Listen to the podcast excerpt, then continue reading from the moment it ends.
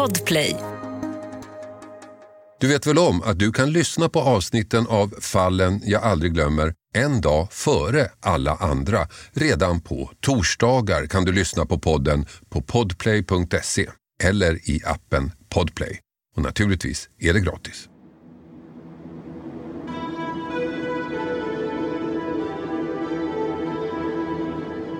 Vad fan håller de på med? Och sen slår det mig plötsligt när jag börjar titta. För jag hade ju träffat de här på två och hört dem tidigare då. Och börjat titta på deras berättelser och se, vad fan, de har ju beskrivit sig själva. En mordutredning har ju tre stycken faser. Det är före, under och efter. Ingen människa dör så att säga by accident utan det finns alltid en mer eller mindre rationell förklaring till det. Det svåraste man överhuvudtaget kan ägna sig åt är att leda en mordutredning. Välkomna till sommarspecialen av min podd Fallen jag aldrig glömmer. Hasse och Bosse snackar mord. Och Bosse, det är den före detta kommissarien Bosse Åström som kallas för 22-0 för att han löste 22 mord på raken. Och det är Bosse som väljer fallen, de han aldrig glömmer.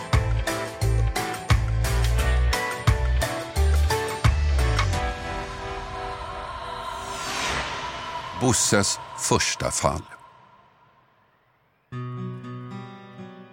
Det här avsnittet handlar om det första mordet Bosse löste. Ett fall som såg hopplöst ut, ett fall som kunde förblivit olöst. Men två saker avgjorde.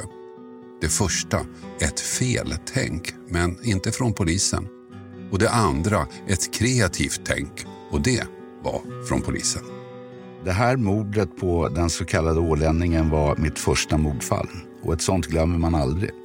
Den andra delen är också att det visar liksom att med lite kreativitet och lite kritiskt tänkande så kan enskilda individer ha en oerhört stor inverkan på vad det gäller utfallet i en, ja, vilken utredning som helst egentligen. Det är 1984, året då Storbritanniens premiärminister Margaret Thatcher överlever ett terrordåd som dödar fem personer. Indiens premiärminister Indira Gandhi mördas.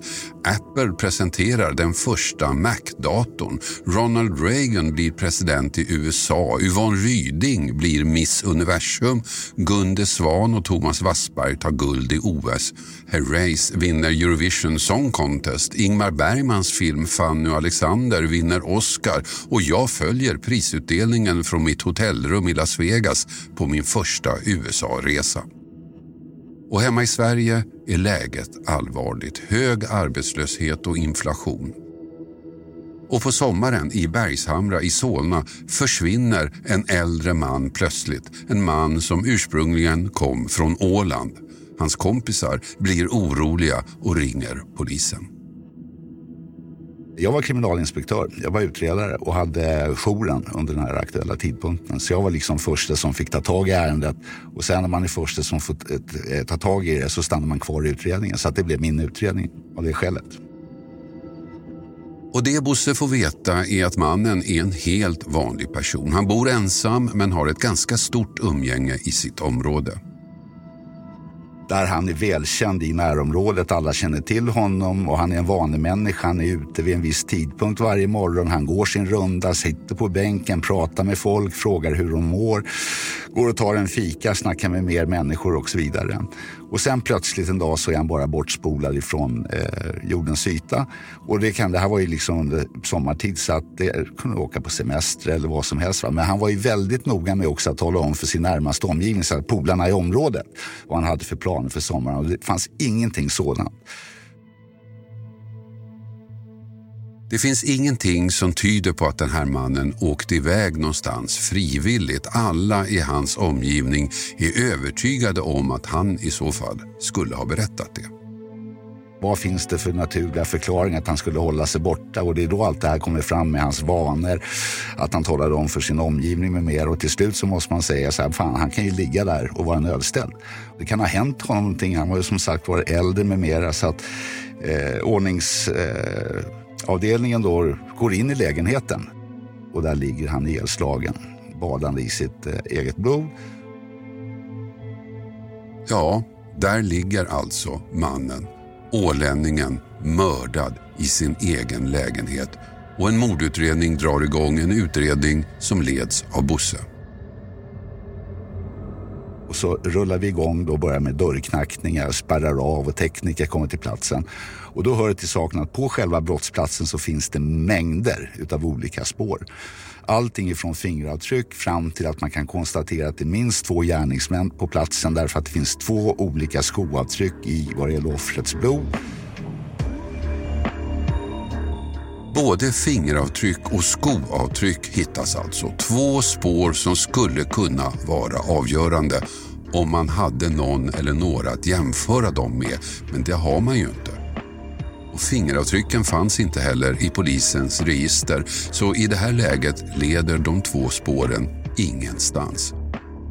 Och de andra åtgärderna ger inte heller något resultat dörrknackningsoperationerna runt om leder inte någon, någon vart mer än att det förstärker bilden av vem ålänningen egentligen var, vilka vanor, vilka umgängen han hade eh, och så vidare. Men var han, var han en person som Eh, var inblandad i någon slags kriminell verksamhet? Nej, nej, nej, nej. Han var vit som snö och han hade heller inga missbruksproblem eller liknande. Utan han var en äldre ensamstående, helt vanlig svensk medborgare eller finsk medborgare eftersom han kom från Åland.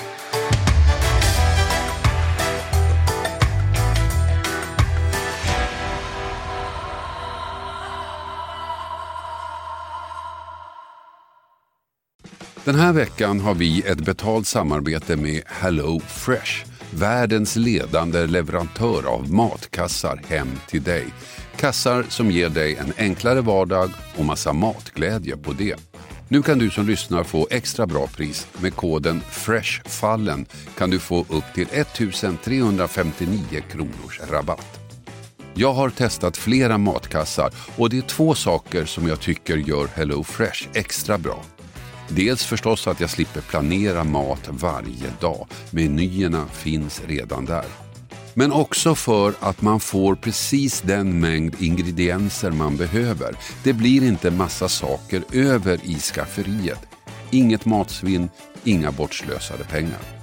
Och sen får man ju matglädje förstås, koll på budgeten och enklare vardag.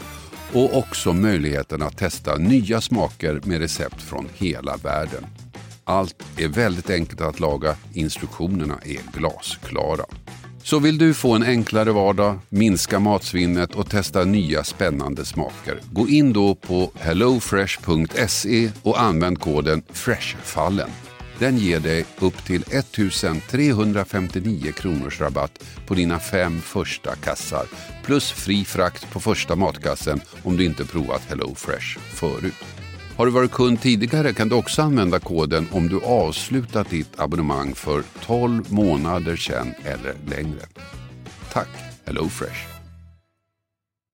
Den här veckan har vi ett betalt samarbete med Tre, ni vet teleoperatören. Den jag själv har faktiskt och är väldigt nöjd med.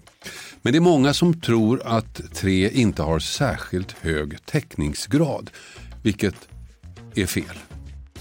Och så är det ju faktiskt med mycket vi tror oss veta. Att det vi tror är sant kan vara falskt och det vi tror är falskt kan visa sig vara sant.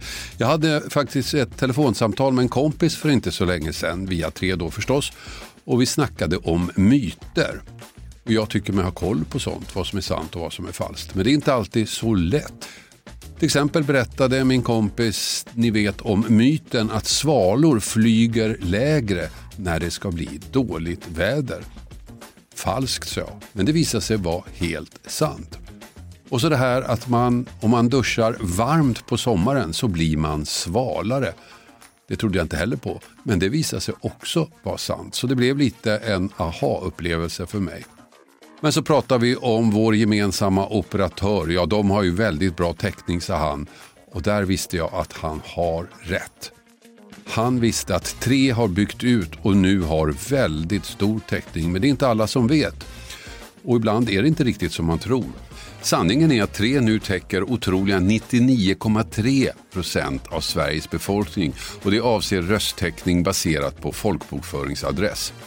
Så läs mer på 3.se om hur de bygger ut sitt nät och täckning. Tack 3. Ett poddtips från Podplay. I podden Något Kaiko garanterar östgötarna Brutti och jag, Davva, dig en stor dos skratt. Där följer jag pladask för köttätandet igen. Man är lite som en jävla vampyr. Man har fått lite blodsmak och då måste man ha mer. Udda spaningar, fängslande anekdoter och en och annan arg rant. Jag måste ha mitt kaffe på morgonen för annars är jag ingen trevlig människa. Då är du ingen trevlig människa, punkt. Något Kaiko, hör du på Podplay. Därför är gardinerna.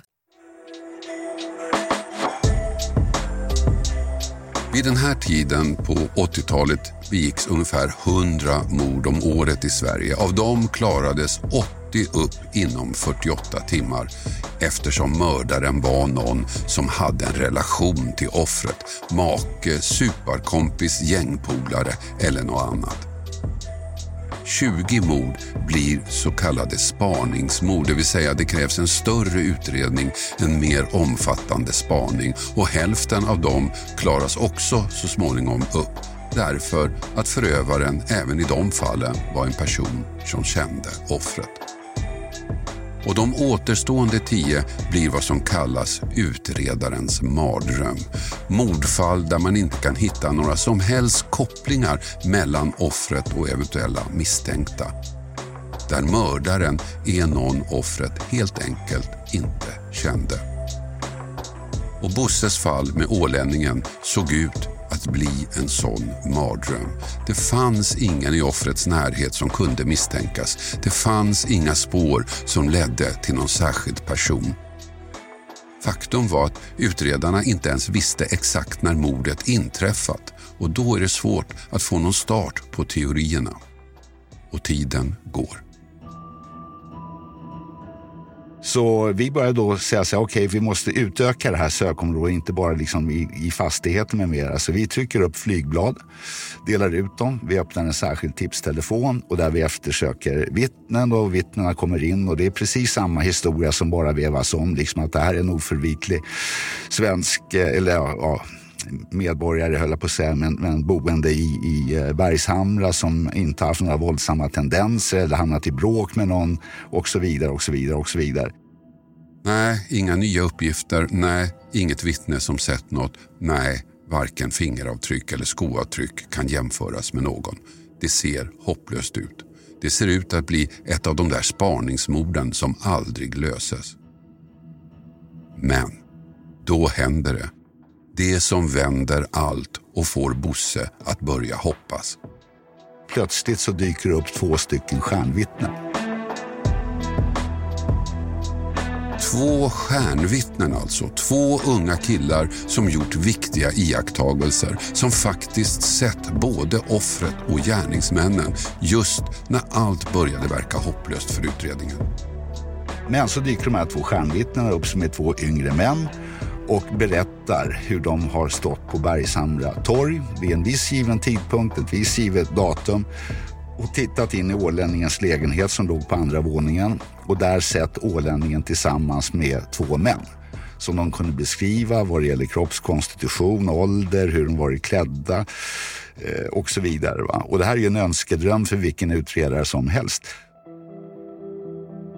Ja, de två killarna hade alltså sett offret och två förmodade gärningsmän i lägenheten. De kunde ge ett signalement, men framförallt gav de Bosse och hans team en tidpunkt.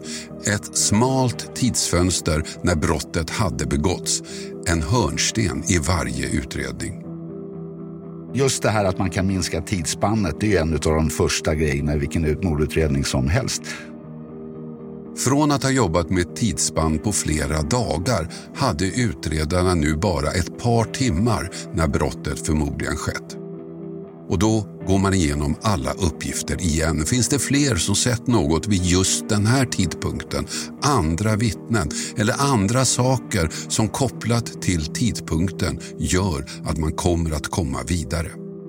Och så läser man igenom igen, läser igenom igen, läser igenom igen och försöker hitta liksom var finns, var ligger hunden begraven här någonstans och vad kan vi få mer information om? Nej, ingenting i det övriga materialet ger minsta lilla steg framåt. Ingen annan har sett något. Inga övriga händelser har skett vid den här tidpunkten. Ingenting. Och det är då Bosse slås av en tanke. Det är då han får lite onda aningar. Det är då han inser att något inte stämmer. Och då plötsligt så slår det mig liksom att måste ju kolla möjligheterna för dem att överhuvudtaget göra de här iakttagelserna. Så jag åker upp till Bergshamra torg och ställer mig på den plats som de själva anvisat att de har stått på när de har vallats på platsen och tittar in i ålänningens eh, bostad och ser inte ett jävla dugg. Nej, från den platsen där de två killarna säger sig ha stått kan man inte se in i lägenheten. Det var som att titta rätt in i en spegel. Och det var ju samma tidpunkt och samma ljusförhållanden med mera som deras uppgifter gällde. Och jag kom fram till att de kan inte ha sett ett jävla skit så här. Det är helt glasklart. De två killarna kan inte ha sett det de säger sig ha sett. Från platsen där Bosse tittar in i lägenheten syns ingenting. Och då uppstår ju en ganska naturlig fråga. Varför? Varför har de två hittat på allt det här? Vad fan håller de på med? Egentligen, va? Och sen slår det mig plötsligt när jag börjar titta. För jag hade ju träffat de här på två och hört dem tidigare då. Och börjat titta på deras berättelser och se, vad fan, de har ju beskrivit sig själva. Ja, signalementet de två gett stämmer ju på dem själva. Varför? Kan de vara inblandade i mordet? Många frågor, många svar behövs så de två killarna kallas in till förhör igen. Men utredarna berättar inte för de misstänkta vad de kommit fram till. De avslöjar inte det Bosse upptäckt. För syftet med förhören är inte att få några svar egentligen. Så vi kallar in dem för ett kompletterande förhör och ser om det har kommit fram några nya detaljer de kan berätta om eller liknande. Och ja, vi håller på och mal det där runt om eh, flera, flera gånger då. Så men då, men då berättar ni inte för dem det, det du har sett? Nej, nej, nej, utan nej, nej, nej, ni nej. behandlar dem som vittnen? Jajamensan, om det var mer. Och de hörs ju separat ifrån från varandra. Så under förhören med de här två så bjuds de på ett glas vatten eller om det var en cola eller liknande då, som de accepterar och tar upp och dricker och sen avslutas förhöret och de försvinner därifrån.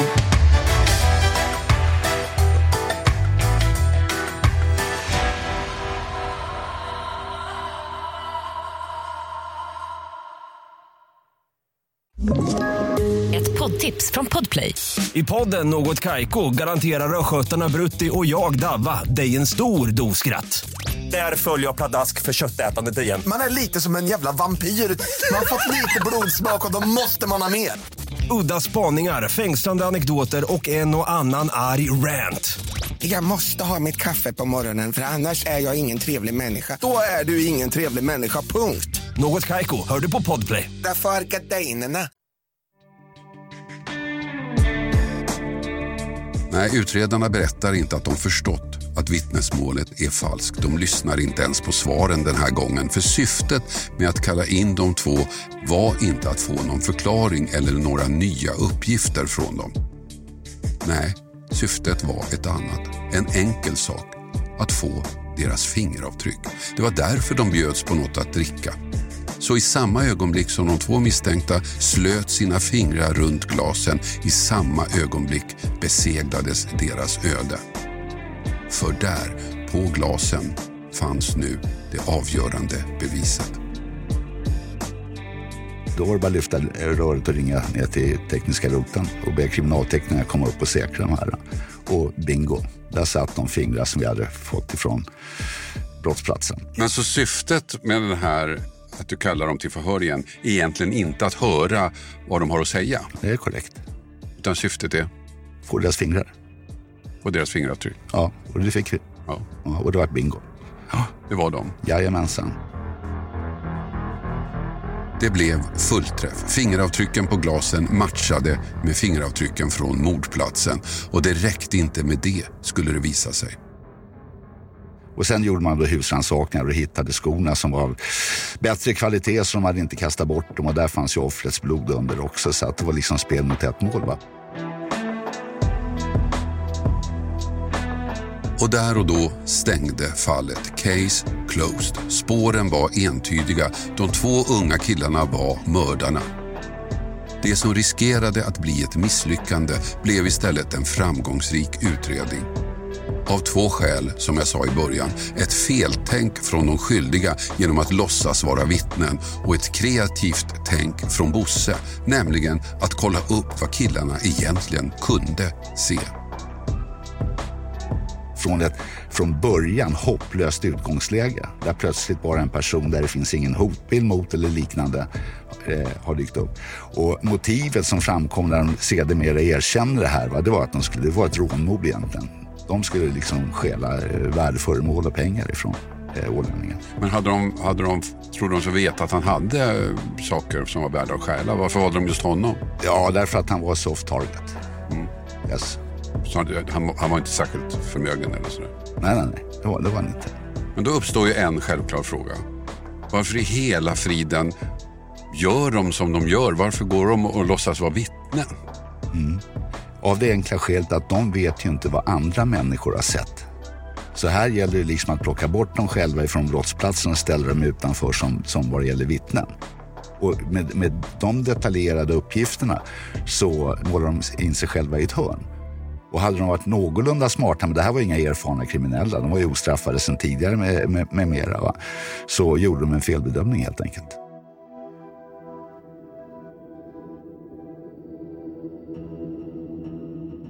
Det här var alltså det första mordet Bosse klarade upp.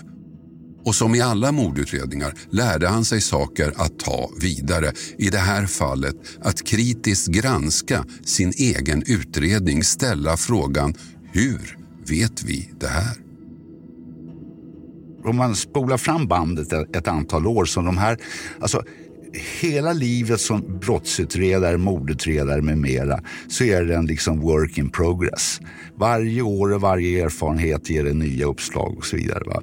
Och just det här med kreativt tänkande eller kritiskt tänkande ska jag säga, ledde till att sedermera när jag tog fram den här organisations och handlingsplanen för utredning av grova våldsbrott med okänd gärningsman. Så i den organisatoriska strukturen som vi byggde upp så la jag in en funktion, en person som hade en enda uppgift och det var att ställa sig frågan, hur fan vet vi det här? 39 år sedan Bosses första mordutredning alltså. I nästa avsnitt av sommarspecialen lämnar vi Sverige. Bosse berättar då om ett fall i Filippinerna han blev inblandad i. Ett fall som aldrig skulle kunnat inträffa i Sverige och som skakade om Bosse rejält.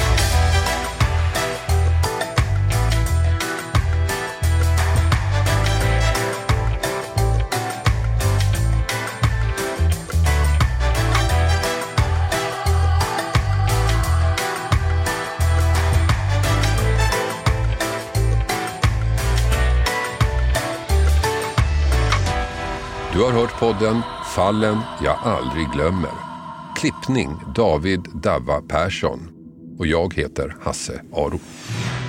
Du vet väl om att du kan lyssna på avsnitten av Fallen jag aldrig glömmer en dag före alla andra. Redan på torsdagar kan du lyssna på podden på podplay.se eller i appen Podplay. Och naturligtvis är det gratis. Podplay, en del av ett poddtips från Podplay. I podden Något Kaiko garanterar östgötarna Brutti och jag, Davva, dig en stor dos skratt. Där följer jag pladask för köttätandet igen. Man är lite som en jävla vampyr. Man har fått lite blodsmak och då måste man ha mer. Udda spaningar, fängslande anekdoter och en och annan arg rant. Jag måste ha mitt kaffe på morgonen för annars är jag ingen trevlig människa. Då är du ingen trevlig människa, punkt. Något Kaiko, hör du på Podplay. Därför är gardinerna.